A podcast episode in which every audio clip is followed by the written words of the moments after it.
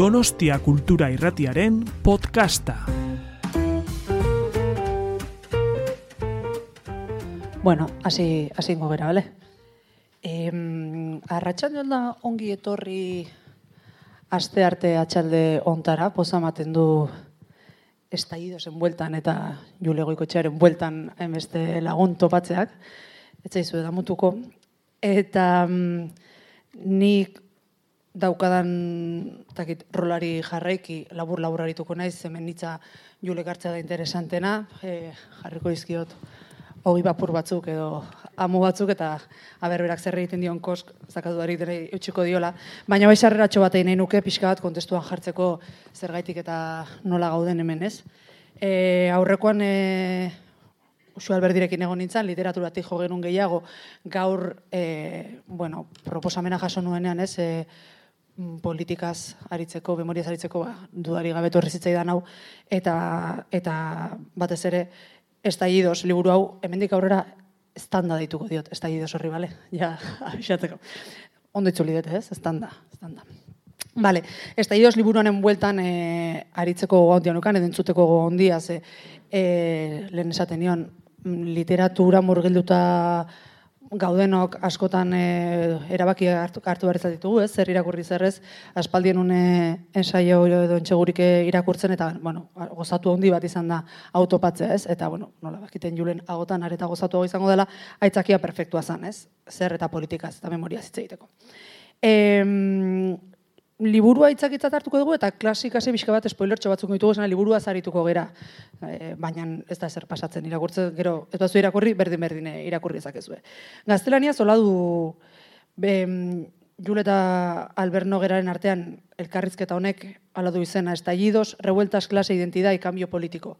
Eta horiek izango dira e, jarretuko dugun bidea, ez? Pixka bat liburuak daukan egituratik e, abiatuko gera, akaso tarteka aterrizatzeko eskatuko dizuz, azkenean aktualidadea oso azkar dijoa eta seguru daudela gauza batzuk ja e, nesta liburu oso oso berria dan, ba, ba utzi dezaiok eguna. E, mm, gehiegi luzatu gabe eta Juleren aurkezpenen bueltan gehiegi e, sartu gabe. Zuzenean galdetuko dizut, nondik eta zergaitik sortzen den liburu hau idazteko beharra, baina baita ere interesantea nola e, urtu ez zuten elkarrizketa hori, ez? Azkenean ba elkarrizketa bat da, ez? Eta gainera ez da batzuetan trenpa egiten da olako liburuak idazterakoan, ez? E, nik idazten eta nik idazten da eta gero goaz pixka bat sartzen ez ikusten da badagola hartu erantzuna, bueno, e, nolatan Albert eta biok erabakitzen dezute hau eta nolatan burutzen dezute formatu.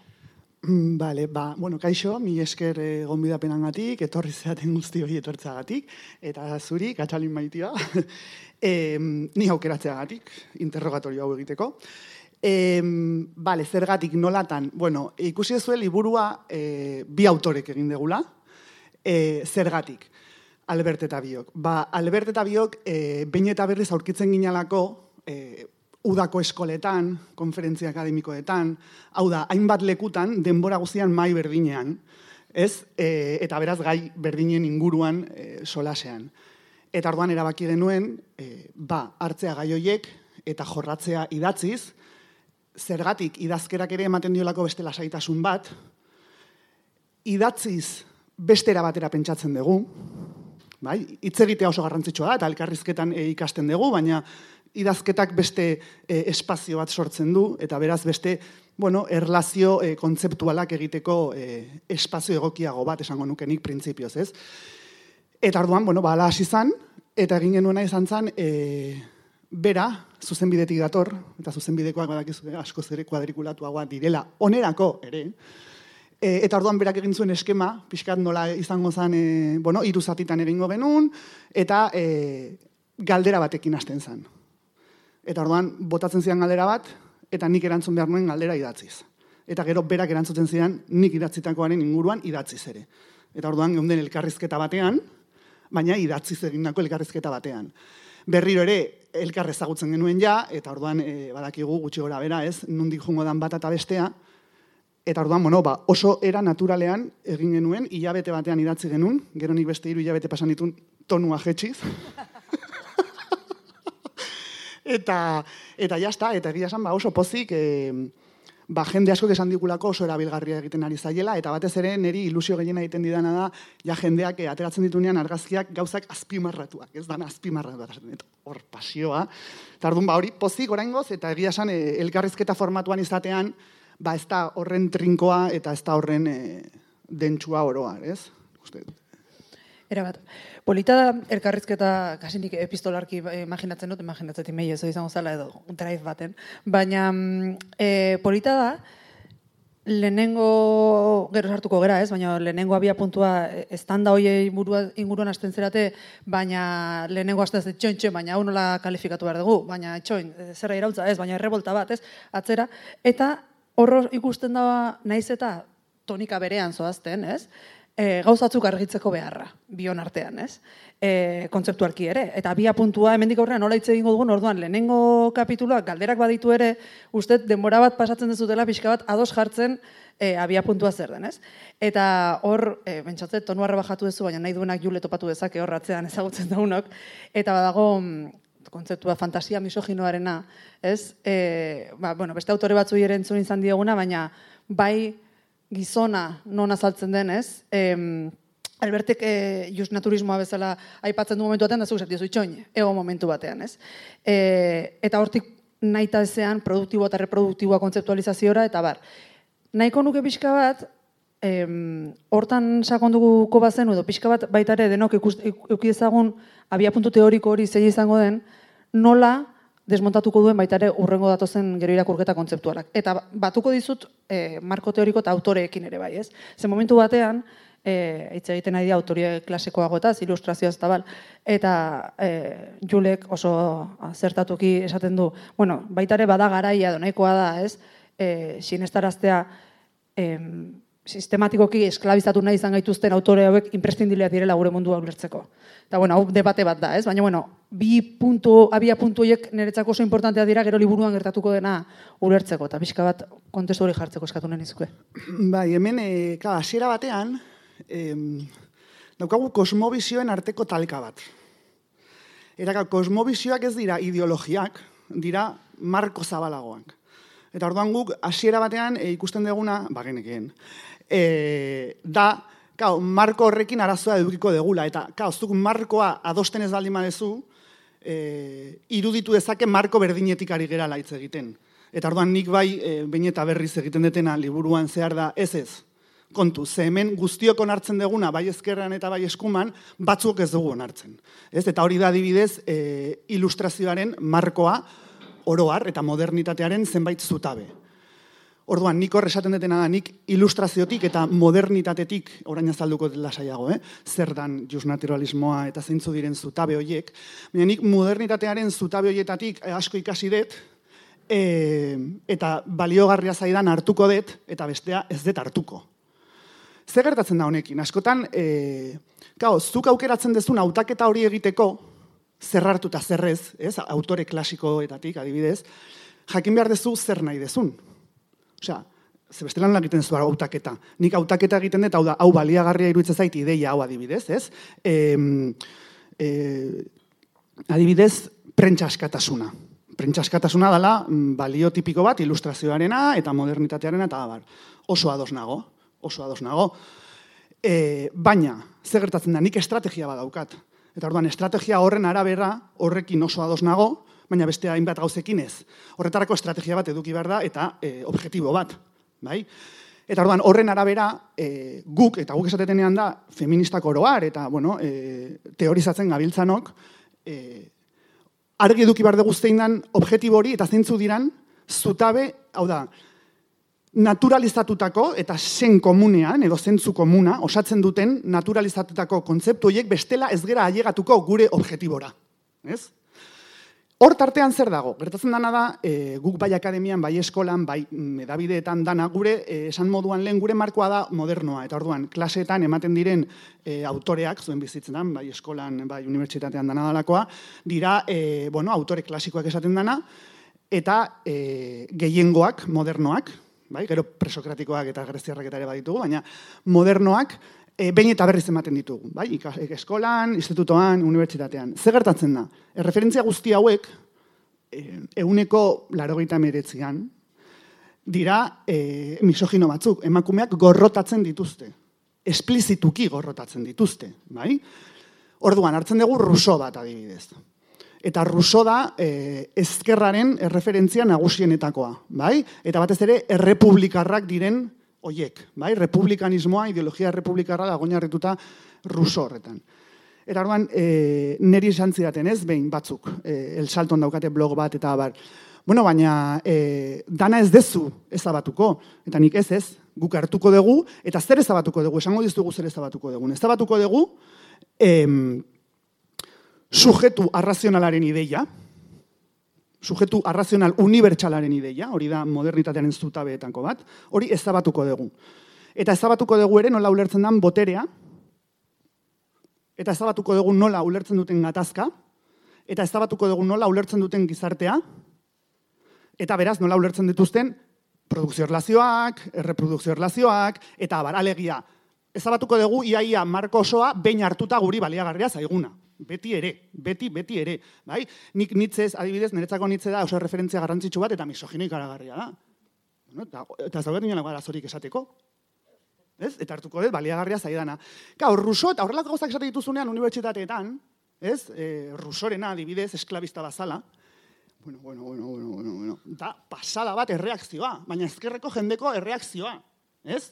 Zergatik, dago horren normalizatuta misoginia eta patriarkatuta, horren horren horren normalizatuta, e, erreferentzia guztiak dirala, oroar, arrazistak, misoginoak, xenofoboak, aporafoboak ere normalean. Zeintzuk ez dira erreferentziak? Hitler eta fascistak, zergatik? Gizon zuriak hiltzen dituztelako.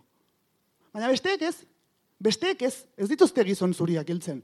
Misoginoak hiltzen dituzte, eh, edo argudiatzen dute emakumeen humilazioaren alde, edo emakumeen esklabotasunaren alde, e, arrazializatuen esklabotasunaren alde, eta abar, oie dira modernoak, e, moderno guztia dira kolonialista batzuk eta misogino batzuk, esplizituki.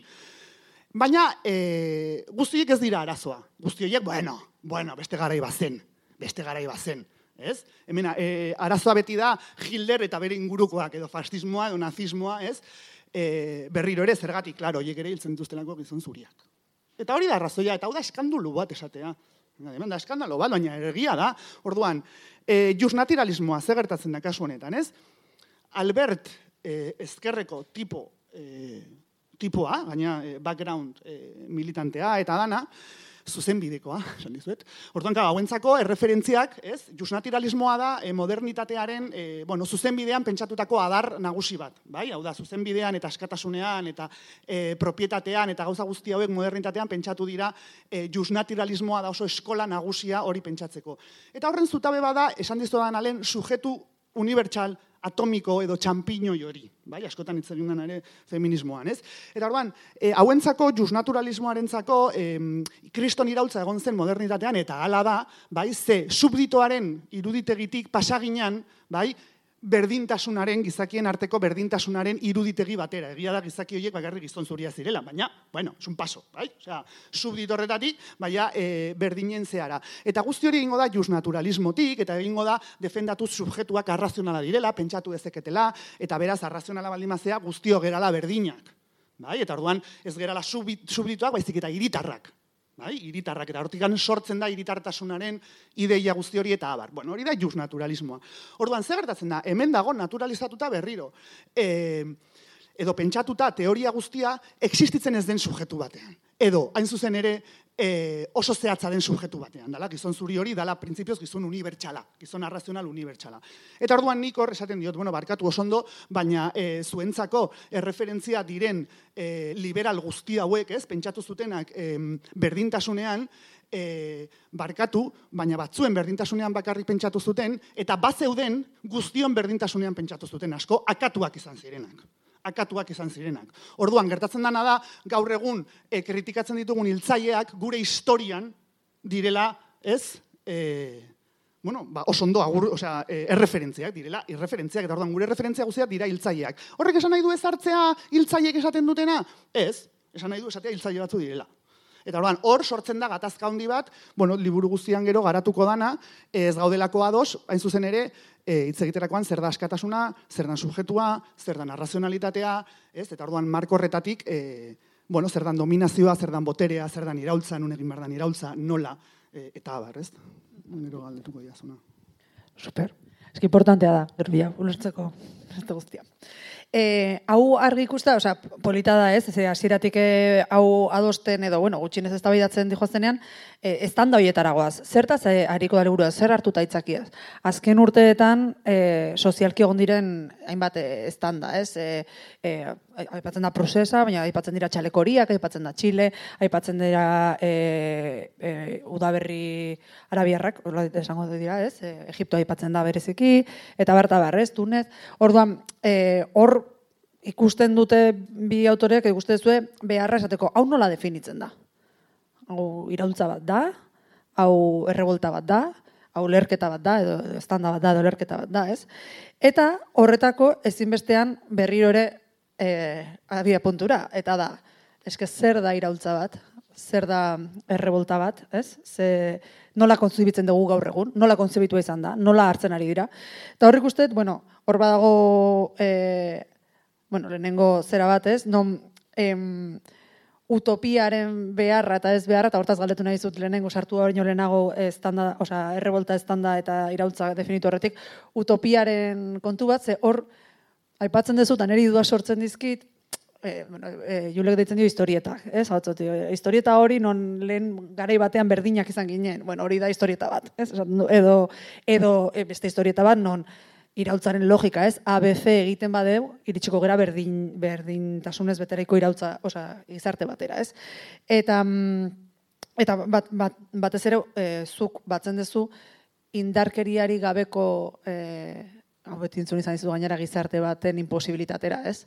Beraz, utopia eta realitatearen artean, galetu nahi zut. Uste zu utopiak deus estatu behar dugula eta erabat realistak izan behar dugula, edo balio dezaketela norabide bat hartzeko? Neretzako e, utopiak, a ber, neretzako zer da utopia? Utopia neretzako da e, ilusionatzen duten ideia multzoak. Basikoki.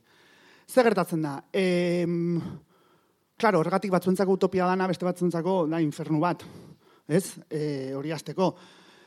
Baina, esan dezu modernitatean, eh, kosmobizio baten, zehaz batetik egin dira utopia horiek, ez? Esan dezuna ABC, alegia, bai liberalentzako, bai komunista klasikoentzako, bai sozialista klasiko eta anarkista klasikoentzako, hor eh, ilustrazioaren markotik ze gertatzen da, zuke eh, beti sinistu izan da, zuk egiten baldin maituzu zenbait gauza, bai, adibidez, eh, sozialista komunista izanik, eh, produkzio baliabideak sozializatu, bai, estatua hartu, e, proletargoaren diktadura ezarri, eta hortikan e, klaseri gabeko gizarte bat osatu, ez?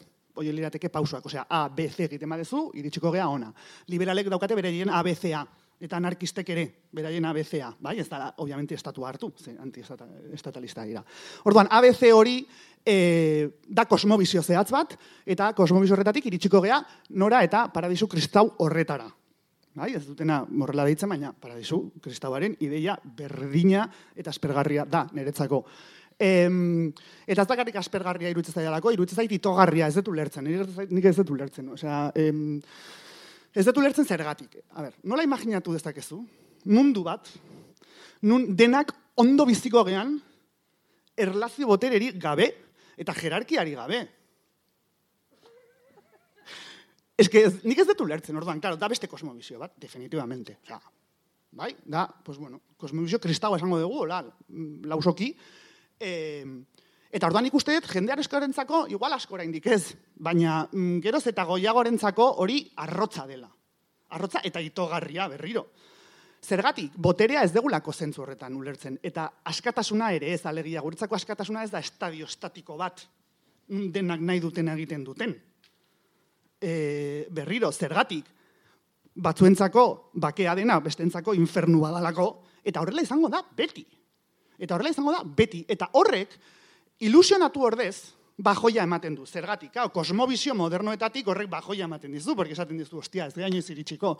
Ja, eske gaizki dago planteatuta, niretzako orain eta hemen, porque horre baliagarria izan zitekeen, e, horrelako utopiak, orain dela egun urte, neri orain ez zaizki baliagarriak, esan dut, lehen nik beti pentsatetela zertarako, Osa, nora nahi duten ailegatu.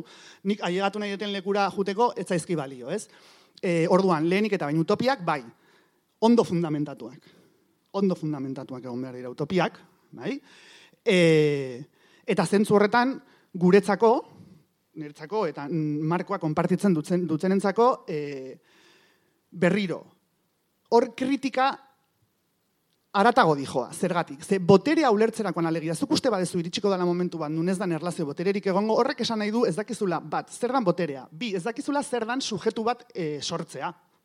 Bai, hau ere askotan esan dut, askotan ugaztun jaiotzen gea, nork sortzen ditu ugaztun horietatik sujetu autonomoak hitz egiteko gaitasunarekin, bakarri jateko gaitasunarekin, e, dutxatzeko gaitasunarekin, irakurtzeko, osea, guzti hori nork nola. Eta orduan hor fantasia misogino historieta ditzen detenanik da e, Adam en fantasia hori, Robinson Crusoeren fantasia hori, eta da, ez, osea, e, egazti batek, batean, ez, botatzen du ugaztun bat, e, ja, autonomoa eta sujetua, ez, eta bere konstituzioarekin, ez, esaten dut hor, ez, e, beso, besopean, Eta orduan teoria politiko guztia modernoa da delirantea, da delirantea, esaten ez du haber barkatu. Zergatik aste zeate politikan pentsatzen ja emezortzi urte ditugunean, eta ja egin gaituztenean, eta orduan begira ze ondo. Ze, klaro, kontratu soziala modernitatearen zutabeetako bat, esan dizu da alen, libreak eta berdinak diren individu horiek egiten duten kontratu sozial hori, bai? E, Esate zu jatan nork eman dizuzuri jateko mezortzi urte arte eta mezortzi urterekin zu kontratu sozial hori egin alizateko nork erakutsi dizu irakurtzen kontratuak. Ez, eske, dira oso galdera, ber, dira oso galdera simpleak. Orduan, horretu da la delirantea, nork egin du hau? Osea, galdera da, nork pentsatu du utopia hauetan? Gizon zuri aberatxak, eta klaro, osea, ez, hemen gurean bentsat. Orduan, hau da, sujetuak sortzen ez dituzten e, pertsonak, eta beraz, ez dakite zer dan sujetu bat, sujetu libre bat eta autonomo bat, beti dependientea den sujetu bat osatzea eta eraikitzea, zer nolako botere erlazioak suposatzen eta implikatzen dituen horrek, zer nolako dominazio eta domestikazio prozesu bat jartzen dan martxan guzti hori egiteko, eta hitz egingo diazu, etorkizunean hau egiten badegu ez dala egongo erlazio botererik, no has parido, no has parido, e, eta ez dakizu zer dan e, pertsona bat estea. Ez? Eta horren, horretik zaten dela delirantea dana, ze e, hori da teoria politiko desberdinen eta ideologia askoren zutabe eta oinarria. Oinarria da berbera eta oinarri hori da e, delirantea, ez? Ze berriro, gizakiak ez dira horrela, ez dugu horrela funtzionatzen. Ez dugu horrela funtzionatzen, gainera, inork ez du inoiz sinatu kontratu bat, hemen gaudenak ezertako, e, hori azteko, ez? Eta, eta berriro, eta esan duten alen, kontratu bat irakurtzeko e, baldintzak e, aztertu beharko dira. Ez? Eta orduan horregatik hor, demokrazia ulertzeko era eta beraz boterea ongi ezatea eta dana oso desberdina da, zeneretzako adibidez, demokrazia izan sozialista, izan e, feminista, dana dalakoa, behar dituko akzio zehatzak eta eta behar ditu disiplina zehatzak eta behar ditu mekanismo biopolitiko zehatzak egiteko e, pertsona autonomoak edo hori ez e, hitzaldi bat aguantatuko duten bi orduz pertsonak hemen isilik eta begira, osasana guzti hori sortu egin behar da. Eta hori prozesu disiplinarioa da eta orduan e, hemen debatea da nork egingo dituen prozesu horiek, ez? Oraingo emakumeak egiten dituzte eta ordaindu gabe. Orduan, ez, e, dana dago erlazionatuta azkenean, osea, delira, delirantea den ideia hori Robinson Crusoerena eta danena, gero zer ikusia dauka emakumek egiten duten lan ez ordainduarekin. Bai? Ze hoie dira Robinson Crusoe, mm, ez? E, ez den dutenak eta erakusten diotenak kontratuak irakurtzen, ez? Eta orduan hori dagoela merkatutik e, at, ez? Eta orduan dana dago erlazionatuta kosmobizioa eguneroko gure e, baldintza materialekin. Fenomenal. Hala zu etxalo egin dola batzuetan, eh? atatze bali maz, eza, presiori gabe baino. Bale, eta hala ere, zango dugu, eta hala ere, bada, gaur egun eta hemen irautza kontzeptua balio diona. Eta hala ere, bada, orain gaur eta hemen, irautza kontzeptu mm, delirante Robinson Crusoe e, horretatik abiatuta, irautza kontzeptua erraz edo edo edo edo ez dakit, ez? E, erabiltzen duenik edo beintzat e, marko hoietatik, ez? Zuek aldiz, orain bai, ez? Horregaitik jartzen duzu problematizatzen duzu estallido horrekin, ez? Eta rato bat pasatzen duzu irautza bera kontzeptualizatzen eta errebolta eta esaten, bueno, gaur egun nola litzateken, ez? E, bueno, pixkat horri, horri buruz, ez? Gaur egun nork eta zeinek erabiltzen duen eta zein zaion eroso ez da kasualitatea, ez, irautza kontzeptua eta nola, nola pentsatzen duen, eta zuek pixka bat nola estutzen dezuten kontzeptu hori eta zer atera zuen hortik. hor e, gertatzen... Bai, barkatu eta baita ere, irauntza eta erreformaren... Markoarena, bai. Hor, claro, e, beste kontzeptu nagusi bada iraultza modernitatean. Bai, oso kontzeptu modernoa da, modernoa zanaiet, berriro modernitatearena, eh? E, ez modernoa gaurkoa. Em, orduan, guk estanda jarri dugu naita, berriro, e, guk orain ikusten duguna estandak direlako, ez? Estallido horiek, estandak. Eta guk esaten duguna, hola, simpleki da, e, estandak bilakatu daitezkela iraultza. Bai? Arazoa iraultzaren kontzeptuarekin da, berkontzeptualizatu behar dela. Berriro, niretzako posiblea izateko eta ilusionantea izateko. E, zergatik iraultzaren kontzeptua, claro, e, berriro kosmobizio estatiko, progresibo horretatik ere pentsatu izan da, eta ezkerrean zehazki marxismotik e, batez ere, e, zenbait marxista ez denek, kontzeptualizatu dute Lenin eta guzti hauek ere, masa eta vanguardia bezala, ez? E, alegia, e, iraultza egiten da, e, vanguardia batek gidatuta, bai, masa bat gidatzen duen vanguardia hori, ez? Eta vanguardia hori, bueno, segun ze teorietan, bai, izan daiteke e, alderdi ez? Alderdi komunista, zentzu horretan izan daiteke vanguardia, eta hor ja teoria desberdina daude, oso interesgarriak, e, bueno, zer nolako erlazioa eduki beharko luke e, vanguardia horrek, ez? Edo alderdi komunista horrek, ba, mm, kuadroekin eta gero herritar herritarrekin esango genuke, ez? Masa deitzen den herritarroiekin antolatzeko eta eta guzti hori. Orduan, oralde batetik dago normalean erlazio, bueno, jerarkiko bat, e, bi, ze gertatzen da, iraultza, e, ulertzen da zerbaiten kontra egiten dala, zerbaiten kontra egiten dala, eta kasu honetan, kao, kosmobizio monoteista batean gaude, bai, modernoa kosmobizio monoteista bada, normalean kausa bakarra jartzen dizkie arazoei, bai? E, hori da, hori sortzen daia politeismotik monoteismoa pasatzen ganean erligioan, bale? Gero, jainkoa, hasiko gea, jainkoa akatzen eta hortikan zientzia, ez, sortuko da, zentzu horretan, baina kosmobizioa monoteista izaten jarraitzen du zentzutan, ez? Ba, oraindikan ulertzen dela zientzian ja aldatzen ari da, eh? Orain dela ja 50 urte eta filosofian ere, claro.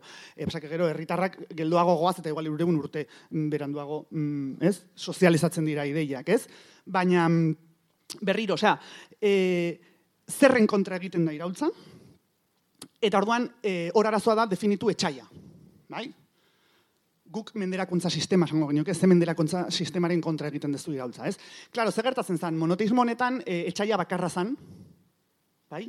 Eta bakarra da, segun ze ideologia daukazu, kasu honetan, e, eta ezkerretik etxaia izan da kapitala, bai? Kapitalismoa, E, eta orduan hori deia, e, lehen esan dizuete, sozialistak daukatela argiena, osea, ideologia guztietatik argiena daukatena netzako dira sozialistak, hor esaten dute e, hori iraultza egiteko aldaketa strukturalak egon behar dira, hori da e, ze aldaketa dira estrukturalak. Ba, adibidez, e, e, produkzio erlazioak eta baliabideak eraldatzea hori da estrukturala, ze hori da kapitalaren e, barne formakuntza. Bai? E, kapitala, esango genuke, e, sortzen da erlazioa da kapitala, ez horrein sartuko, bale? baina hor dago produzio erlazio hori. Bai? Aldatu behar den hori, ja, askatzeko esango genuke, ez da esplotazio horrekin amaitzeko, kapitalaren esplotazioarekin amaitzeko, eta orduan hauen estrategia lehen esan moduan iraultza egiteko, da hartzen dugu estatua, sozializatzen ditugu eh, erlazio produk, eh, baliabide, eh, produkzio baliabideak eta erlazioak, eta hori da iraultza, ez? Ze aldaketa struktural hori egin dezu, eta hortikan ja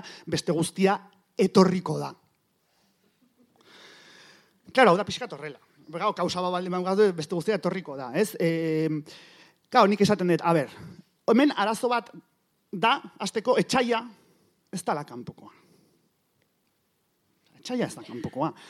E, ze, etxaia ez da kanpokoa, horrek ez du esan nahi etxaiik ez dagoenik, esan nahi dut, ez? E, orduan, kontua da, nere galdera zen, bale, osondo, egiten duzu e, iraultza eta sozializatzen dituzu e, produzio erlazioak, eta nola egiten da iraultza familiaren kontra? Eta nola egiten da iraultza e, daukagun struktura emozionalaren kontra? Porque claro, urrengo egunean zukartzen dituzu e, produzio baliabideak eta denek berdin desiatzen jarraituko dute, denek berdin sentitzen jarraituko dute eta denek berdin pentsatzen jarraituko dute. Ergo, denek atzo nahi zuten berdina nahiko dute. Eta zer da jendeak nahi duena? Hombre, pues sistemak e, eraikitzen ditu nahiak eta desioak, beraz jende gehienak nahi duena da sistemak martxan jartzen dituen, bai, e, desio hoiek eta nahi hoiek. Adibide errazena, familia bai, bikote aukitzea, zure seme alabak edukitzea, esan ez? Guzti hori da, sentitzeko erabat, hori ez duzu aldatzen e, fabrika batean, bai, erlazio baliabideak sozializatzeagatik. Eta kritika hauek badara mazateia e, iaia egun urte esan nahi dut, ez? E, gero e, antiarrazismotik ere kritika hau egin zaio, osea, esan nahi zu, mm, bez, produzio balia bideak sozializatzen eta ze, zu garrazistak mm, klasean dauzkazu. Eta misoginoak etxean, osea, esan nahi e, nola egiten da irautze, zer da hau? Zer da hau? Ez? Eta orduan hor, e, nik bai usteet irautzaren kontzeptua erabili behar dela, baina bere kontzeptualizatu behar da. Erabili zertarako esateko hain zuzen ere noiz ematen diren, bueno, eraldaketa estrukturalak. Berriro, eraldaketa estrukturalak menderakuntza sistemaikiko. Nola menderakuntza sistema baina gehiago daukagun, pues eraldaketa estruktural desberdinak behar ditugu. Eta hori izango litzateke pasatzera monoteismotik politeismo batera. Ez? Eta esatea, a ber, peña, hemen e, gaizkia satanaz, bai?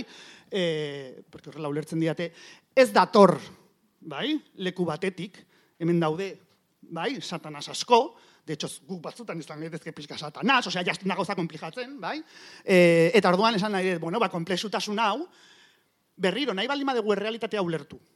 Eta gero, eraldatu, porque ulertu gabe ez dugu eraldatuko, komplexutasuna sartu behar dugu. Eta hori da, erabat, e, nik politeismoa zitze egitetenean, da, hori izateko, komplexutasuna sartu behar da, hemen menderakuntza ardatz ezberdina daude, e, eta berriro, e, pasa gaitezen boterearen eta askatasunaren eta berdintasunaren idea erlazional eta dinamiko batetara. Alegia, orain oso ondo iruditzen zaiguna eta funtzionatu dezakeena hemendik bi urtetara behar bada ez. Eta orduan ez gea jungo plan metafisiko batekin esan ez egingo dugu A, B, C, eta orduan iritsiko gea Z-tara. Ez, egingo dugu A eta B, eta gero bemos. Claro, porque eh, zuka eta B egin dezakezu, eta gero subalterno berriak aterako zaizkizu.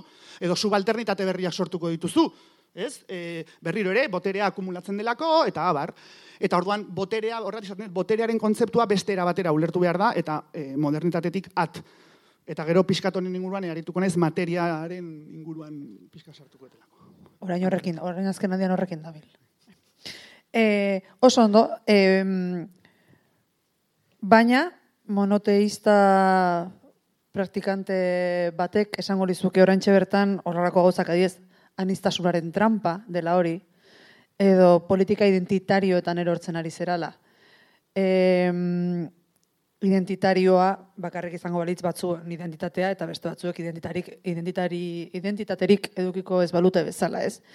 E, Honen aurrean, zer, zesan nahi dut, e, hor dago talka kontzeptual bat, baina dago esan edo, politika identitarioak ditzen badizkigu LGTBIku, e, boieroi, feministoi, beltzei, peinarra zerizatuei, eta esaten badigute beste APC-arekin iritsiko gara nolabait, nola egin talka horri aurre, kontzeptualizazio hor, hor dago hasierako ez litzateke hogei garen horreti pasako bi pertsona hasiko badira hor entre elkarrizketa hori ukitzen.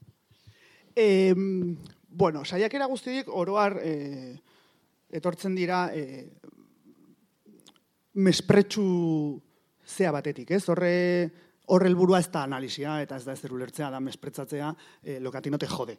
Ya está. O sea, lokatinote jode sekundario eta listo. Orduan, e, bueno, sondo. Eta orduan ditzen diogu identitarioa, posmoderno gritzen dugu, eh, da la la un Cristo. Eh, orduan, identitarioarekin ze gertatzen ari da? Egia da badagoela tendentzia identitario bat, zesan nahi du identitarismoak? Identitarismoak esan nahi du e, zuk lehen planoan jartzen dezuna, jartzen dezula zer zeran eta ez zer nahi dezun. Hau da, e, zure gauza estatikoenak esango genuke, jartzen dituzula lehen e, mailan eta bigarren mailan jartzen dezula zure proiektu politikoa. Eta ordan identitarismoa oso gaizki datorkigu eraldaketarako, eraldaketa politikorako, zergatik dana desberdinak. Osa, izan izan dana dela desberdinak. Orduan, e, noski kontuan hartu behar dela norgeran, eta beraz zuriak, beltzak, emankumeak, ez? E, klase sozioekonomiko desberdinekoak eta abar, eta abar, baina hain zuzen ere proiektu politiko komun bat sortzeko. Orduan, norratik ni politikan beti defendatzen dut e, anti-identitarismoa. Baina, klaro, nik esatetena identitarismoa zer dan, osa, kritika egiten ditugu guten jende horrek eta de, trampa la diversidad eta guzti hori e, horretzen inguruan aritzen den jende hau identitarioa da hasta más no poder. Porque uste dute, ez dakit, adibidez klasea dela gauza bat, iPhone bat edukitzea, edo unibertsitate ikasketak, que lo tienen difícil hemen, porque dena dazkate, eh, herri honetan. Eh, hau da, zerbait edukitzea, ez? Eta eh, klasea erlazioa da. ez da gauza bat edukitzea, berdin duzer daukazun, da erlazio bat, bai? Eta orduan, klase batekoa baldin mazea, e, berriro esan nahi, esan nahi du daukazula beste klase zapaltzaile bat, bai? Horregatik ere ez duten nahi hitz egin e, zuri eta beltzen klase ez, eta emakume eta zurien klase ez, ze orduan onartu beharko lukete dagoela menderakuntza sistema bat, baina gehiago, eta gainera menderakuntza sistema horiek materialak direla, porque hemen eskusa guztia da, e, guri gertatzen zaiguna, LGTBI, osea, ez, e, arrazializatuei, hau da, gizon zuria, ez den guzti hori, e, gertatzen zaiona dala efektu kulturalak. Dala efektu kulturalak, ez dala zerbait materiala. Hau da, ez dala zerbait serioa. Ez? Eta orduan, klaro, orduan, zer gertatzen da, daukaten materiaren definizioa, mila bederatzireuneko dela. Claro, claro, eske hemen dago arazoa. Mila beratzerunekoa da. Eta zientziak asko aurreratu du. Eta ja, materiak nola definitzen dan zientzian, agentzia duna semiotikoa lenguan aritu ginen, e, apurtzen du marruko guztiekin, baina guztiekin ja totalmente, ez, e, begirada klasikonekin, ja, porque ja hasta materia da agentzia duna, a ver cómo salen de este lío porque materia que agentzia baldin badauka, ja un lío de la hostia, o sea, eta gaina materia, bueno. Orduan esan e, berriro, diskurso daude eginak mesprezatzeko, daude eginak, hain zuzen ere, beti, dira tradizionalak, mila beratzerun daugeian euki genitun de, debate berdinak, mila beratzerun da irurogei tamargarren amargan debate berdinak eduki genitun honekin. De feminista klasea apurtzen dute, e, identitarioa dira, e, LGTB, guztia berrepikatzen da behin eta berriz, eta da, gizon zuri aserretua, sin mas. O sea, gizon zuri aserretua zergatik. Dagoelako deszentratuta, deszentratzen ari delako eta orduan ja horregatik amorro hori sujetu unibertsalaren kontra egiten negunean, porque beraie dira. Guri berdiz da guzen, ez gehan. sujetu unibertsalak, orduan, a quién le jode? A quién es el sujeto universal? ¿A quién le va a joder? Claro, sujetu unibertsala dana, nola guez gehan. Tardun, oso eh, amorro handi hartzen dute sujetu unibertsalaren kontu honekin. Porque beraie dira, eta orduan deszentratua daude, descentrat zen ari dira, osea, zientziak bera gainera, ez? E, gure kosmobizioiekin askoz ere, bueno, bat dator. Orduan, e, berriro ere eta egia da boterea galdu detu, galdu dutela oroar gizon zuriek denok galdu degulako boterea, bai, langileria guztiak galdu delako boterea, eta orduan aserre daude. E, eta da berriro aserretik egindako argudio misogino tradizionalak berriro tradizionalak. Hauek ja erantzuna daude. Guzti honi eman zitzaion ja erantzuna, batzen da, irurogeita margarren, e, amarkadan Delfik adibidez guztia berantzun zuen. Eta ez esan ez nola eh, jende honek materialistak, eh, marxistak, porque Bernabe eta guztia hauek bande marxistas, materialistas. Eh, nola bapatean azaldu nahi duten menderakuntza sistema bat, adibidez patriarkatua edo rasismoa, idealismotik, porque suposatzen da menderakuntza sistema ez daukatela oinarri materialik, materiala da gurea, zuena ez da materiala. Eta orduan batez ere, batean dituzu materialistak defendatzen argudio idealista bat, esentzialista dela hostia, ka, ez dute ulertzen ere zemakumeak eta gizonak egiten direla, eske, asko dago egiteko. asko dago egiteko, ze, klaro, e, mundu klasikotik ez dute ulertu emakumeak eta gizonak egiten direnik. Osea, es imposible, imposible. Orduan, klaro, beraientzako e, markoa da, e, ezkerrekoak, eh, berdintasuna, gizonen eta emakumeen arteko berdintasuna. Osea, eso es de 1970. Osea, berdintasuna ez gizonen eta emakumeen desagrepena ja dago orain dela ja hogeita mar urte mesedez mai gainean, bale? Eta hauek berdintasuna. Gizonen, que hori da, feminismo liberala, osea, hori da, eh, errespetu guztiz, PNV-ko amamen emila batzen da hogeiko diskurtsoa. Eta oso ondo, porque bere momentuan oso garrantzitsua izan zen, baina ostia, ja hori eh, pasada, eta de hecho, es que es eso, berdintasuna gizonen eta emakumen artean ja eh, eskumak eskatzen du. Orduan, hor dago desenkaje oso handi bat berriro ere, ez? E, eta orduan, e, hor ez identitarismoa bakarrik, osea, berkontzeptualizatu behar da, dana, produkzioa zer den, reprodukzioa zer den, zergatik, ez degulako gu pentsatu. Pentsatu dute, gizon zehatz batzuek. Eta orduan, e, hori da e, argi utzi behar deguna guk pentsatu behar ditu kontzeptu guzti horiek. Guk nahi baldin badugu realitatea eraldatu, ulertu, eta abar gure esku egun behar du hori. E, eta berriro, hartzen baliagarria zaiguna, ikasten beti, atzeko ekutzi diguten e, horretatik, baina, baina berriro autoritatea gurea da, eta guk esango dugu zer, zer esan nahi daukan produkzioa. Osea, zuk ez esango neri zer dan produkzioa, faltaria mas. Edo zer da, ez dakit, demokrazia. Bueno, por dios, edo ez dakit, edo zer gauza. Osea, hor da, e, berriro ere, ze nola jainkoa hiltzan, Ez dago egia hori, objetibo hori, eso también les jode mucho. E, zergatik egia, eta horregatik nik esan dut lehen, teoria politikoan, eta horrela irakasten dugu baina unibertsitatean, teoria politikoak dauzkate bi helburu. Bat da, errealitatea ulertzea, eta bestea da, errealitatea eraldatzea. Eraldatzea.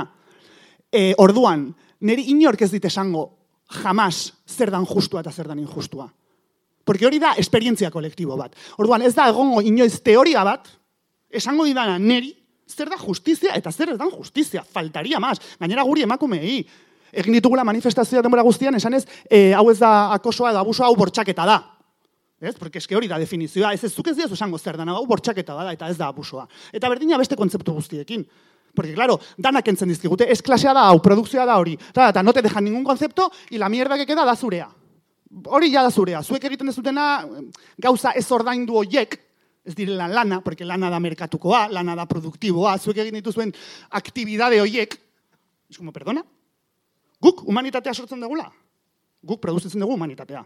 Zuek ez dakiz egiten dezuten merkatu, baina guk produzitzen dugu humanitatea. Eta ordan guzti horri eman errepaso bat, ze dana daukate hartuta, dana daukate hartuta dan, dan, dana. Artuta esan nahi berriro, ez nago pertsonalizatzen, eh? Osa, dana dago hartuta e, etxaiaren gandik ze zentzutan, etxaiak pentsatutakoa dana, dala, naiz eta guk erreproduzitu. Horregatik, naiz eta guk danok erreproduzitu sentitzeko erazeatz batzuk, pentsatzeko erazeatz batzuk, e, ez dira guk pentsatuak. Eta hori da, e, ez, eraldatu behar dana. Bueno, pues ya, ya vamos a, a, a la guinda, a tope hau da prometitu dizuegu lehen Twitterren ikusi bat zute, posmodernitatea. Em, ez ez, luzatuko galdera, baina asko gustatu zait, e, behin gauzak garbi irakurtzea liburuan, ez? Ze, ziur nago, gaur egun, gaizki ez, oso gaizki erabiltzen den kontzeptua dela, beti mespertxuz erabiltzen da, kaseiak pa llamarte marikon o algo? Osea, ez? Osea, esaten denean, es una posmoderna. Eta, badakizu zer esaten ari zeran, eta jo, liburuan eman ditu, la, lasaitu bat e, oso ondia, e, ja esatea, bueno, guazen gozak argi esatera, ordon, e, zurea daitza. Vale, posmodernitateaz. E, bai, irain bezala erabiltzen dute, e, nazten dute gainea posmodernitatea eta neoliberala eta posmodernoak. Ez como, what? E, Posmodernitatea azten da emeretzigarren mendean, da aro historiko bat, modernitatea bezela. Modernitatea ez da ideologia bat. Bai, zuzan zaitezke e, fascista moderno bat edo marxista moderno bat. Osa, porque modernitatea da garai bat. E, eta garai hori hasiko daia urratzen emeretzigarren mende amaieran, artean, e, arkitekturan, arte plastikoetan, batez ere, e, baina eske gainera, Freud, Sassur, Marx bera, dira ja postmodernitatearen parte. Zergatik zeberaien teorietan adibidez Marxek ja esango du ez egia egia hori ez da objektiboa egia sortzen da klase borrokaren bidez Baiz, historia eraldatzen du klase borrokak eta horren arabera e, sortzen da gero ideologia, hori da materialismoaren zea. Orduan, bera ja hasten da, ez eta modern, ideia moderno asko eduki, dena dauzka hori hibridatuak, gero dauzka em, analisi oso oso postmodernoak izango direna, ja, ez? Freud bezala, Freud beste misogino handi bat, e, Freud, e, Freudek ja esango du, ez, sujetua ez da arrazionala. Osa, ez dugu zer ezagutzen nire sujetua, subkonstientea dago, ja, hai un lío de la hostia, ez? Orduan, hori hasiko da sujetua razional horren irudi hori apurtzen, e, eta beste hainbatek, sasurrek eta baresan nahi, aro historiko hau hasiko da pixkanaka emeretzegarren mendean pixka Eta garren mendean, ja, irurogeita margarren amarkadan, ja, ba, arrasar, eta orain ja, gaude, e, garai berri horretan, ze gertatzen da, berriro, asko, e, urte asko, eta inkluso e, amarkada asko pasatzen dira, amar, e, aro batetik bestera pasatzen, osea, e, feudalismotik modernitatera pasatzen dira, bai, bi edo hiru zea. E, azten da, amairu garren mendean, amalau garren mendean, amabos garren mendean, ja hasiko da garatzen pixkanak kapitalismoa, bai, baina ja inkisiziotik hartzen ditu ideiak, osea, sana hibridazio hori dago, orain dagoen moduan, modernitatean eta postmodernitatearen artean. Postmodernitatea segurazki, mendik, e, ez dakit, bi mila irureun urtean beste erabatera dituko zaio gara probablemente, bai, da, orain erabiltzen dugun e, etiketa esateko, bueno, modernitatearen zutabeak urratzen hasten direla. Bai, ba, alde batetik hori, ba, sujetu ilustratu hori hasiko dalako, ez, e, pixkate fragmentatzen, e, artean e, berriro, ez, e, antropologian, zientzia desberdinetan, ja hasiko dira, e, esango genuke, metafisika moderno hori ja pixkanak apurtzen, egia objektiboa dela, eta ez historikoa, e, hainbat gauza, ez, materiaren e, kontua sartuko eta hemen oso garrantzitsua dalako, e, modernitateak e, sortzen du zientzia modernoa, eta hor, e, claro, filosofian eta zientzian pentsatzen den hori batera garatzen dira, ezta, garai guztietan. Eta orduan, e, aro aldaketa honen beste ezaugarrietako bat da, e, zientziaren ematen, zientziaren paradigman ematen diren aldaketa guztiak. Eta hori hasten daia Einsteinekin. Osea, Einsteinek ja, de hecho, e, bere erlatibitatearen teoria ja da postmodernoa zentzu horretan. Ja, apurtzen du e, fisika newtonianarrekin eta, e, vale, eta e, zientzia modernoaren oinarri hoiekin. Claro, hori garatzen junda, garatzen junda, eta orduan iritsi gera momentu bat, nun, e, ja materia, ulertzen den lehen esan duten moduan agentzia duna dela, erlazionala dela, ez dela gauza bat, materia, erlazio badala, argia, pentsatu argian, e, onda elektromagnetikoetan eta abar, eta gainera e, semiotikoa da la materia. Vale? Esan nahi duna. Osea, mezuak bidaltzen ditu eta jasotzen ditu. Organismo biziek mezuak jasotzen dituzte. Eta hemen da fascinantea nahi sartuko, baina nola komunikatzen diran onjoak landareekin, bale? Osea, esan nahi, nola funtzionatzen duen berez bizitzak, e, eta hori aztertzen da e, zientzietan sistema komplexuen e, zientzietatik, bale? Eta hau aplikatzen da berriro, ez bakarrik e, gobernantza algoritmikoaz, ez dakit ingo dugun, e, fisikan, bai, e, kimikan, zientziako adar guztietan, eta noski filosofian, filosofiatik pentsatzen delako guzti hau zuzen ere, ez? Eta orduan zentzu horretan berriro, postmodernitatea zitze egiterakoan argi eduki behar dugu dala, aro historiko bat, e, eta jasta, eta ez egin ere ez kasu handirik, e, irain moduan e, erabiltzen dutenei batez ere zehor e, beste gauza delirante bat gertatzen da, eta da, ezkerreko askok deitzen digutela postmodernoak irain moduan, alegia, beraie dira modernoak, baina modernitatea da kapitalismoa. Osa, e, aro modernoa da, aro ilustratua liberala, kapitalismoa garatzen den aroa, osa, eso es así. Zena, hori ja, mm, vamos, ez zarrita dago, ez dago, ez da baidarik horren inguruan. Orduan, e, modernitatearen errebindikazioa, no lo tengo muy claro, desenkajatzen dira, ze, bapatean ez dakit kanten lagunak diren, e, ez, iraultzaileak bapatean kant dira, e, no se, sea, dana oso, dana oso arraroa, ez, zentzurretan, berriro ere nahasmen handia dagoelako, eta batez ere aserre handia, eta orduan, pues eso, e, berriro, ze gaina, ze gertatzen da, ez, eta hau da kuriosoa. Em, Postmodernitatea eta neoliberala ditzen dizute, ez? Berriro, modernitatea e, errebindikatuz eta neoliberalismoa da, e, da liberalismo berritua, bale? Eta in zuzen ere, e, liberalismoaren doktrinak definitzen du e, modernitate hori, ez? Horregatik da oso arraroa e, berriro, sortzen ari diren diskurtso hauek, baina e, gero ere egia da guzti hau e, filtro asko daudela, esan nahi dut, eta kalitate gutxiko gauzak, e, bueno, ba, pixkanaka erortzen jongo direla. Kalitate gutxiko esan nahi ez, ba, horrelako diskurtso, e, horrelako diskurtsoak inolako baseri gabe, eta gainera inolako e, ezagutzari gabe gertatzen ari danaz munduan. Osa, esan dut, berriro, osa, mesedez, materia mm, horrela definitzen da, nun zaudete. Ez, e, Eta orduan, ba hori, posmodernitateaz pixkat hori, gara historiko bada, eta beste guztia da lio mentala. Mm Bare, jun pentsatzen galderak. Azkena jarriko izut. E, zehatzen, ze, bueno, liburuaren azken azken kapituloa da eraldaketa politikoaren inguruan, mm, basikamente orain zer bat, edo honekin zer bat, ez? Eta, bueno, lehen, utzi dugu lehenago, baina badaude hor leherketa estanda hauek, estallido hauek, masa desberdinak mugitzen dituztenak, masa ere ez, ez gara sartu definitzen ez, baina bueno, bai, e, izan dituzte helburu komun bat daukaten jende multzo bat bestela juntatuko zirakenak, eta bueno, pixkat hor definitzen da. Bale, ba, daude lerketa hauek, momentu batzuetan hitz egiten zuen lerketa ondo dela, baina irautze izateko norbait kapitalizatu behar ditula, edo norbaitek demagun e, 15 mea Podemosek, oso orokorrean eta suplementen esan da, edo, edo mm, Egipton azkenean ez, badago irautzori, baina azkenean eh, anai musulmanek hartzen dute, zer, solo más rápido, esango dugu nola baitean, eta, eta kaso plaza guztietan zuen jende hori etzen eh, musulmana sekiera, ez, edo zuen lehenago pentsatuko hori izango zenik eh, estanda horren zera. Em, gaur egun, ikusiko dugu estanda jarraitzen dute, e, e, batzuk izango dira txertoaren kontrakoak, ez dakit, eta beste batzuk izango dira e, pensio duinen aldekoak. E, baina horratzean dago kontzeptu bat juntzeran apiska zehatzen, eta uste dut bai dagona konbentzitu bar gaituzuna, ni konbentzituta naukazue, baina botere fobia bat badago, edo boterearen inguruko ikuspuntu bat, boterearen kontrari geran ez, boterea txarra da. Ez? Eta ordan boterea erorrazi behar dugu, baina ia juntzera pista batzuk ematen boterea relazionala da eta egongo da, violentzia egongo den bezala nola emango diogu buelta botereari diogun e, ze horri eta boterea ona da?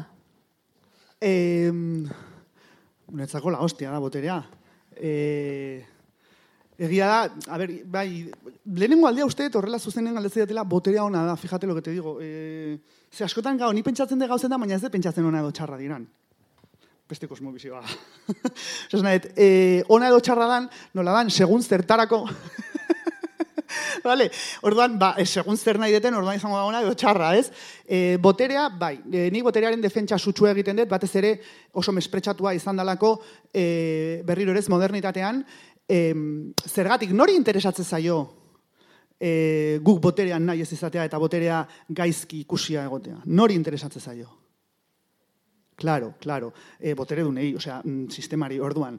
E, hori ezkerrak pentsatu beharko luke serioski. Egia da ere, e, kauz, kristautasunean, berriro, kristautasunetik gatoz, Jesus, Cristo, bueno, yo tengo un poco del Cristo con eso, baina e, hor e, boterearena ere gaizki ikusia dago, e, ez esan nahi, e, resignazioa ondo, bueno, dago, e, nitzek deitzen duena la moral de los esclavos, da, kristautasuna, ez, barkatuko diazute ere gauza honak ekarri dizkigu, eh? e, kristautasunak. Baina da la moral de los esclavos, ez, e, porque nor pentsatu dezake boterea txarra dala, un esklabo mental, esan nahi, kolonizatuta dagoen norbait, osea, porque bestela, boterea da, e, osea, botereari esker zuetani gaude hemen, botereari esker zabete zuekor, e, eta horrela hitz egin dezakegu gainera. Eta ja sartzen baldin magea, botere politikoa goan janite kuento, ze guia emakumea gea, espazio publiko hartzen ari gea, ez? E, osea, guri guztia da boterea. Orduan, boterea da, ez dakitona edo txarra, baina ezin bestekoa, ze botereak sortzen gaitu. Osa, gu gera erlazio boteren ondorio. Sujetuak sortzen dira erlazio boteren bidez, erlazio botere zehatzen bidez. Horregatik gera zuriak, edo boio, boierak, edo euskaldunak, Oie dira kategoria sozialak erlazio boterek sortutako kategoria eta identitateak. Horregatik identitateak dira oso garrantzitsuak. E, ze dira botere materialen erlazioen dimentsio esan nahi duna. Dimentsio semiotiko hori bai? Osea, referentzia egiten diote erlazio, botere erlazio materialei. E, orduan, orgati botereak sortzen du, boterea produktiboa da, eta errepresiboa, claro. E, orduan, boterea da bizitza bestela, ez da ona e, edo txarra da, ezinbestekoa. Basikamente, orduan, claro, zentzu horretan, e, hor boterearekiko, e, nik uste e, berriro ez, portaera e, jarrera aldatzen baldin badegu, mundu berri bat irikitzen zaigula, ere? Bai? Ze, joder, botererik ez da ezuna. Estatua ere gaizki. E, la, hostia, eske ezkerrak ez dauka margenik, osea, dana baldima da txarra. E, orduan nola hartzen dezu boterea, nola egiten dezu, nola sortzen dezu sistema politiko berri bat eta komunitate politiko berri bat. Egin, komunitate politikoek behar duten guzti hori txarra baldin bada ezkerraren mm, ideologian. Ja te digo, porque eske dana, dana, ja boteretik hasita. Orduan, e, horri eman martzaio buelta eta berriro, em, ahal izatea, gai izatea, ona da, nola ez da ba ona izango, hori da boterea, ona da. Zentzu horretan, e, ba hori, e, zentzu vitalista batean, ja, osan izekira morala, edo morala da, zentzu vitalista batean da bizitzaren oinarria, bai, erlazio botere horiek eta gainera. Boterea dagoen enean, beti egongo da askatasuna. Hori da, esaten duguna ere gatazkarekin. Gatazka dagoen enean, orduan askatasun margena egongo da. Eta horregatik ere gatazkan maite behar dugu bai? E, de nuevo, ez guztia denbora guztia, baina esan e, gatazka kontzeptu moduan, ze horrek esan nahi du, movida baldima dago, askatasun margena dagoela, erresistentzia egiteko margena dagoela, konfrontatzeko margena dagoela. Eta hori, pozgarria da. Pozgarria da, ez? Eta horregatik, eta pozgarria edo em, ilusioz ikusiko genuke, aldatuko bagenu, dauzkagun, bo, ez, e, ideia guzti horiek, boterearekiko, sujetuarekiko, egiarekiko, direla, berriro, itogarriak, itogarriak, guk erabaki behar dugu zer e, dena, dena, ez? Eta hortikan, e, ulertu eta eraldatu, e, eta batez ere, e, behintzat planteatu noruntz, jo nahi dugun. Ze bestela, dauzkagun momentu honetan, e, kontzeptu, e, normalizatu hoiekin, ez zingo gera normalitatetik atera. Hori, e, argi dago, eta normalitatea da eraldatu behar dena, e, berriro, eh, normalitate berri bat eraikitzeko, ze normalitatetik ere ezin dugu ies egin, eh? Osa, normetatik, vale, ulertu, normetatik ezin dugu ies egin, kontua dago jarri nahi ditugula normak.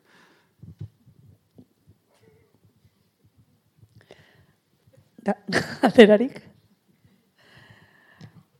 Ni bestela dakat rekamara bat beti, eh? baina txatu, horrengo da arruz, eta bango izue mikrofonoa. Baina, eh, txorradaik ez da hemen. ver.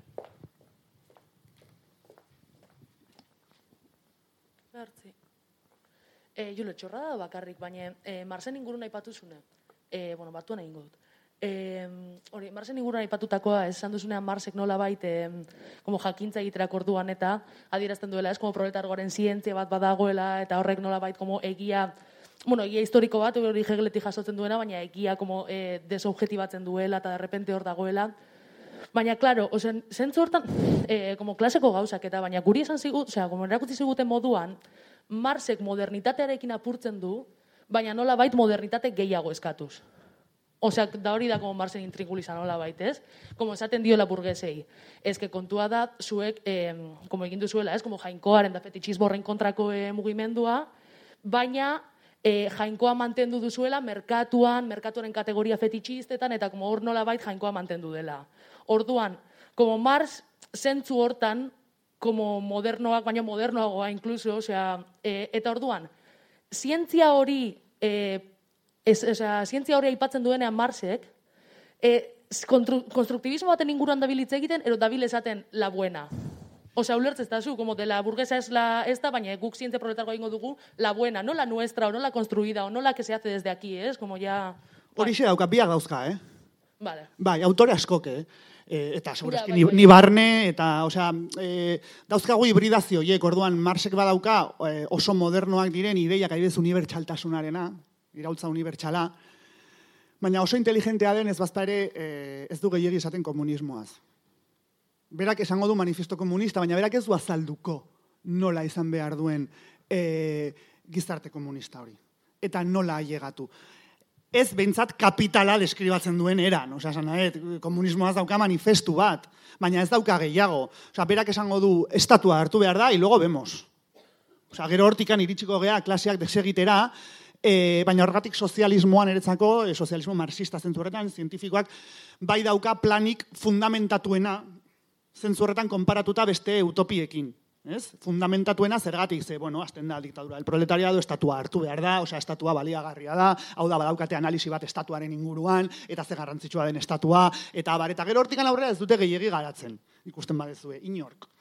Claro, porque hor gaude, eh? bueno, porque aro aldaketa batean gaude, orduan berak bai zenisten du noski unibertsaltasuna posible dela, baina muga batzuekin, ze aldi berean pentsatzen du e, borrokak sortzen duela historia, bai? E, eta beraz, unibertsaltasuna ere, historikoa da, eta egia ere. Baina hor dago ze oso zientifikoa zan, gaude meretzigarren mendean, eta e, meretzigarren mendean oso garrantzitsua zan, e, zientzia modernoa garatzen dago, bai? E, eta oso metodo zientifikoa garatzen ari da, oso garrantzitsua izango dana, niretzako desde luego mm, imprescindible, E, eta orduan hauek oso zaleak dira metodo zientifikoarekiko, eta ulertzen dut, baina gauza bat, Marsek inoiz ez zuen esan, e, zientzia burgesa zenik, eh? Hori dira marxista batzuk. Baina Marxek ez zuen sekula pentsatuko dagoela zientzia bat burgesiarentzako eta beste bat proletargoarentzako, eh? Beretzako zientzia da objetiboa. Guztientzako da, egia. Zentzu horretan, orduan daukan asmen hori, esango genuke, ez, historia nola sartu edo noraino sartu, bai, ez, e, noraino esan egia historikoa dala, baina bera, e, metodo zientifikoaren aldekoa da, eta zentzu horretan ez dago, ez litzateke ados egongo gerora, e, egingo diren zientzia burgesa eta zientzia proletarioaren arteko zatiketa hori berriro, ze hori modernoa zen. Hor, zentzu horretan modernoa da, berantzako zientzia da bakarra, ez daude nahi duenak bere zientzia dauka. Bai, unibertsaltasunaren kontzeptua badaukalako. Baina berriro, unibertsaltasunaren kontzeptua jasiko da aldatzen, Marsekin eta gero egarren mendean. Ja, ja esango dute, eta Habermas eta denek inkluso. E, unibertsaltasuna bai existitzen dela, baina sortu egiten degula denon artean, intersubjetiboa dela, osea, hainbat, e, en fin, ez, e, derreto ere tataik joan, salbatzeko unibertsaltasun hori, baina ja ez da emeretzegarren mendekoa, E, eta desde luego guretzako ja, ez da, inkluso hogeigarren mendekoa, ez? Orduan badauzkat horrelako gauza, baina Einsteinek ere, Einsteinek e, relatibitate teoria posmodernitatearen zea horretan sartzen da, baina bere e, teoria morala, teoría no le voy a llamar, porque no se lo merece, bere morala, e, modernoa zan. Orduan, bueno, hibridazioa beda, no dauzkagu horregatik nik esaten dut beti, autoreak nola ez ditut ba irakurriko nez eta misoginoak edo esklabistak edo kolonialistak izan, noski irakurriko ditu dala. Nik hortikan gauza asko ikasten ditu dalako, e, baina berriro, hortikan guk ikusiko dugu hemendikan aurrera bai, baina hemendikan aurrera ja ez dugu zuena nahi, ez? Mi esker galderaren gatik, mijo.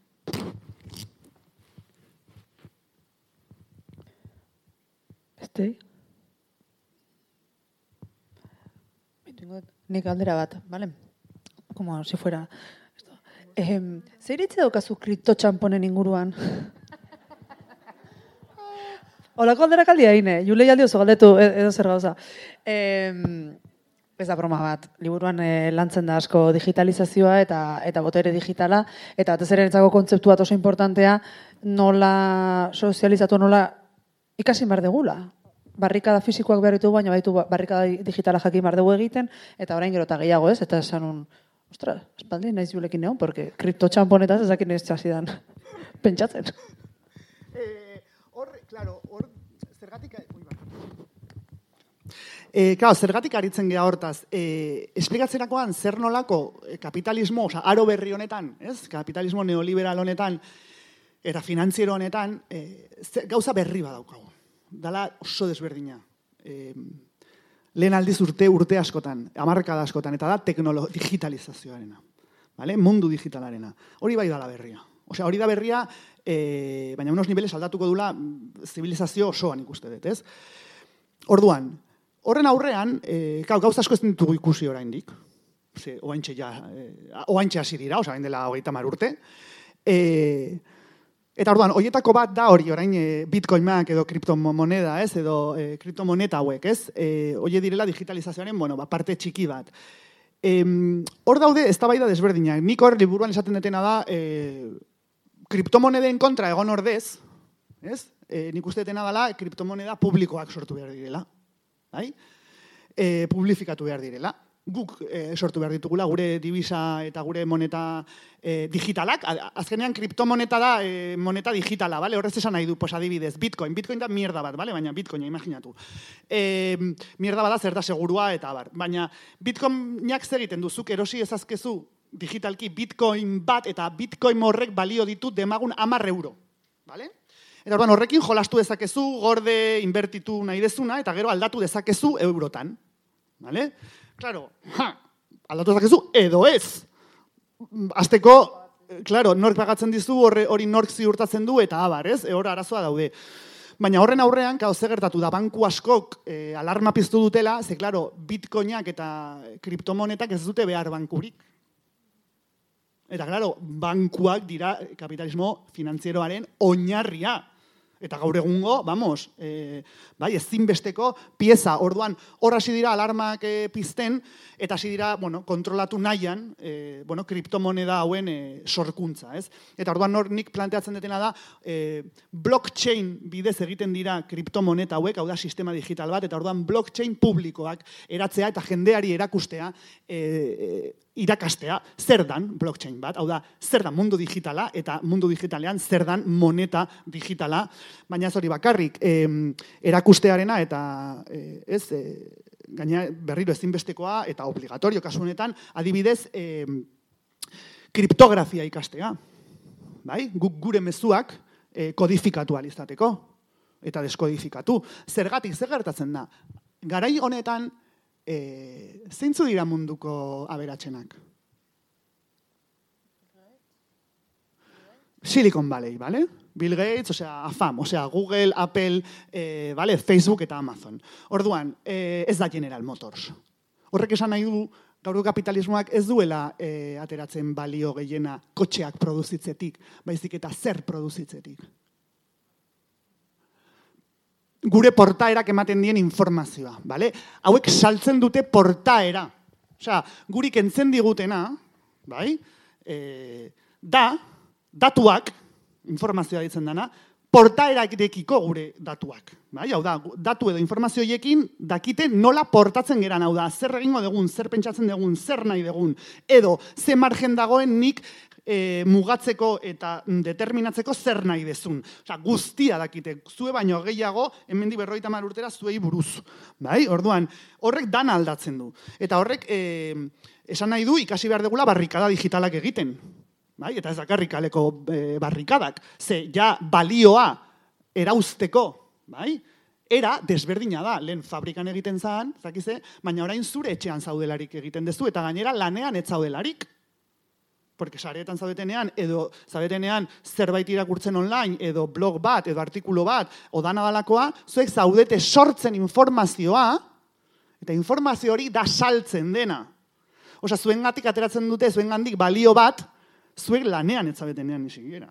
Osea, de gratis, ez dizuete ordaintzen. Ez dizuete ordaintzen. Momentu honetan ari gea lan egiten denbora guztian musutruk. Ez gara konstiente sindikalismoak bueltasko eman behar ditu guzti honi, mm, porque, claro, nola, nola afiliat, ze nolako sindikatuak sortu behar dira, ez? Etxean dauden, dakit, sare sozialan er- erabiltzen dituztenen hoien artean. Osea, aldatzen da panorama guztia e, eta kapitalismo mota guztia eta berriro kapitala akumulatzeko eta aberatsak sortzeko eta beraz pobrezia sortzeko e, zea guztiak aldatzen dira. Horrek ekarriko du espazioaren produkzio berri bat. Gure espazioa, gure hiriak aldatuko dute, bai? E, orain arte, abenidak geneuzkan e, H&M, Zara eta abarrez beteta, horiek desagertuko dira, ze online saltzen ari dira. Orduan, espazio guztia aldatuko da eta espazioaren produkzio berri bat e, hasten da. Hori beti gertatzen da produkzio e, erlazio eta baliabideak aldatzen direnean, e, eta orduan horren aurrean gaude. Eta orduan, nik esate detena da, ez ez, ardezagun teknologiari eta gurea egin. Nik oro arbet egiten dut berdina, bai? Ez esan ez ez, bai, eta hartu eta gurea egin. Bai? E, hori da nire estrategia, niri hori e, irutzeze gaina eraginkorragoa oroare, igual ez beti, baina hori ez, gurea egin, eta beraz ikasi nola funtzionatzen duen honek, eta ikasi guk egin ditzazkegula gure plataforma digitalak, ez ditugula bankuak behar, osea egin genezake, bai, moneta sortu, bankuetatik pasagabe, publikoa izatea, horrekin finantzatu eta bar, ez dute utziko, claro, osea, ja daude asako bankuak eta eta noski Google eta guzti hauek, ez? Facebookek sortu du ja bere moneta digitala, e, Orduan, horregatik gauden mundu batean oso desberdina izango dana, e, eina handi batean teknologia eta digitalizazioaren kontura. Eta azkenik hor, bai sartu nahi nuen pixkat, e, gobernantza algoritmikoarena, liburuaren ikutzen da, eta da, guri gobernatzeko era aldatzen ari da guztiz. Ez? Eta hau ikusten da, nik lehen esan dizuet, ja ez dituzte egingo inkestak hauteskundetaneko. Bale? Tarte, gainera, e, inkestak mierda badira, erdiak gezurra esaten duelako, eta beste erdiak esaten duena, ez daki gezurra dela, baina ez da egia, orduan. E, karo, hor egingo dute, ja zuzenean hartzen dituzte informazioak gure ordenagailuetatik, eta beraiek ja badakite, oza, azken hauteskunde guztiak funtzionatu dute horrela. Egiten dituzte, oza, targetak, bai? Osa, partiduak zerengana jun, norengana hartu, hori egiten dute ja, hartzen duten informaziotik, Facebooketik, Whatsappetik eta abar. Osa, ja ez dute galdetzen badakite zeintzu diren tarjetak, badakite zeintzu dauden dudatan, horiek izaten dira, bai, objektibo zeana, eta orduan, tak, hoien gana doaz. Baina berdina guztiarekin, alegia unibertsitateak, zuek ikuste dituzuten anuntzioak zuen e, e, ordenagailuan, hor dana dago e, zuen portaerare e, egokituta oso gaizki egiten dute oraindik, e, zentzu askotan, nik uste dute algoritmoak, algoritmoak naizela e, berrogeita mar urteko gizon bat que tiene problemas de prostata o algo. Yo creo que es por, por la información que miro pentsatu dute será un hombre. Bueno, en fin, ora, eh, asko daukate hobetzeko, baina kontua da, eh, guztia automatikoa izango dela, alegia. Ja, txipen bidez, eta txipen serio, orain daukaguna hemen, egongo da sartuta, gauza onerako askotan, eta medikuntza publikoa balitz oso ondo etorriko litzaiguk, ez, informazio guztia hartu dezakete, baina ez da horrela izango, eta orduan txipoiek e, daukate dana kontrolatu, eta horrek esan nahi du, e, gainera osasungintza publika, e, privatizatzen ari direla, esan nahi du, medikuek eukiko dutela zuen informazio guztia, eta orduan, segun zemat erre dezuten edo zemat alkohol edan dezuten, ez zaituzte operatuko. Edo lan bat eskatzerakoan, bai, segun zer egin dezuen, ez dizuete e, lan hori emango. Eta abar, eta hori gainera askotan egingo da sistematikoki, osea, algoritmo baten bidez. Orduan, esan nahi dut, e, datorkigula, e, aro interesgarri bat, baina e, desberdina, desberdina, ba horregatik interesgarria ere, porque da la hostia, da, da super desberdina, E, eta orduan berriro guzti honi e, emozioarekin egin behar diogula, e, bueno, ez? aurre egin, emozioarekin, ze berriro, gauz asko bizitzen ari gea, interesgarria direnak eta aukera daukagu hori bizitzeko. Eta hori ja asko da. Bueno. Betxetzet, ilusionatuta zaudetara nintxe bertan? Ez erre? E, badago este aldeari, beste laizteari ekin goio. Ba, eskerrik asko zuen denoi, eskerrik asko jule e, beste behin ere, e, bueno, olako klari evidentziaz arako gai komplexuta ze aritzeagatik. E, ni beti atatzen ezin dara berrituta, e, gora boterea, nik ere ilusio pila daukat kripto txamponekin eta guztiekin. Eta zuei, bene-benetan gomendatzen dizuete irakurriz bat zuei ez irakurtzea, e, bueno, elkarrizketa apasionante bat da, oso zera, baina gaineran ikustet gaur hau entzun da, areta e, errazago sartuko zeratera, edo sakonduko ezutela gaietan. Beraz, jure, eskerrik asko eta eskerrik asko zuei. Mila, mila esker, mila esker guztiei.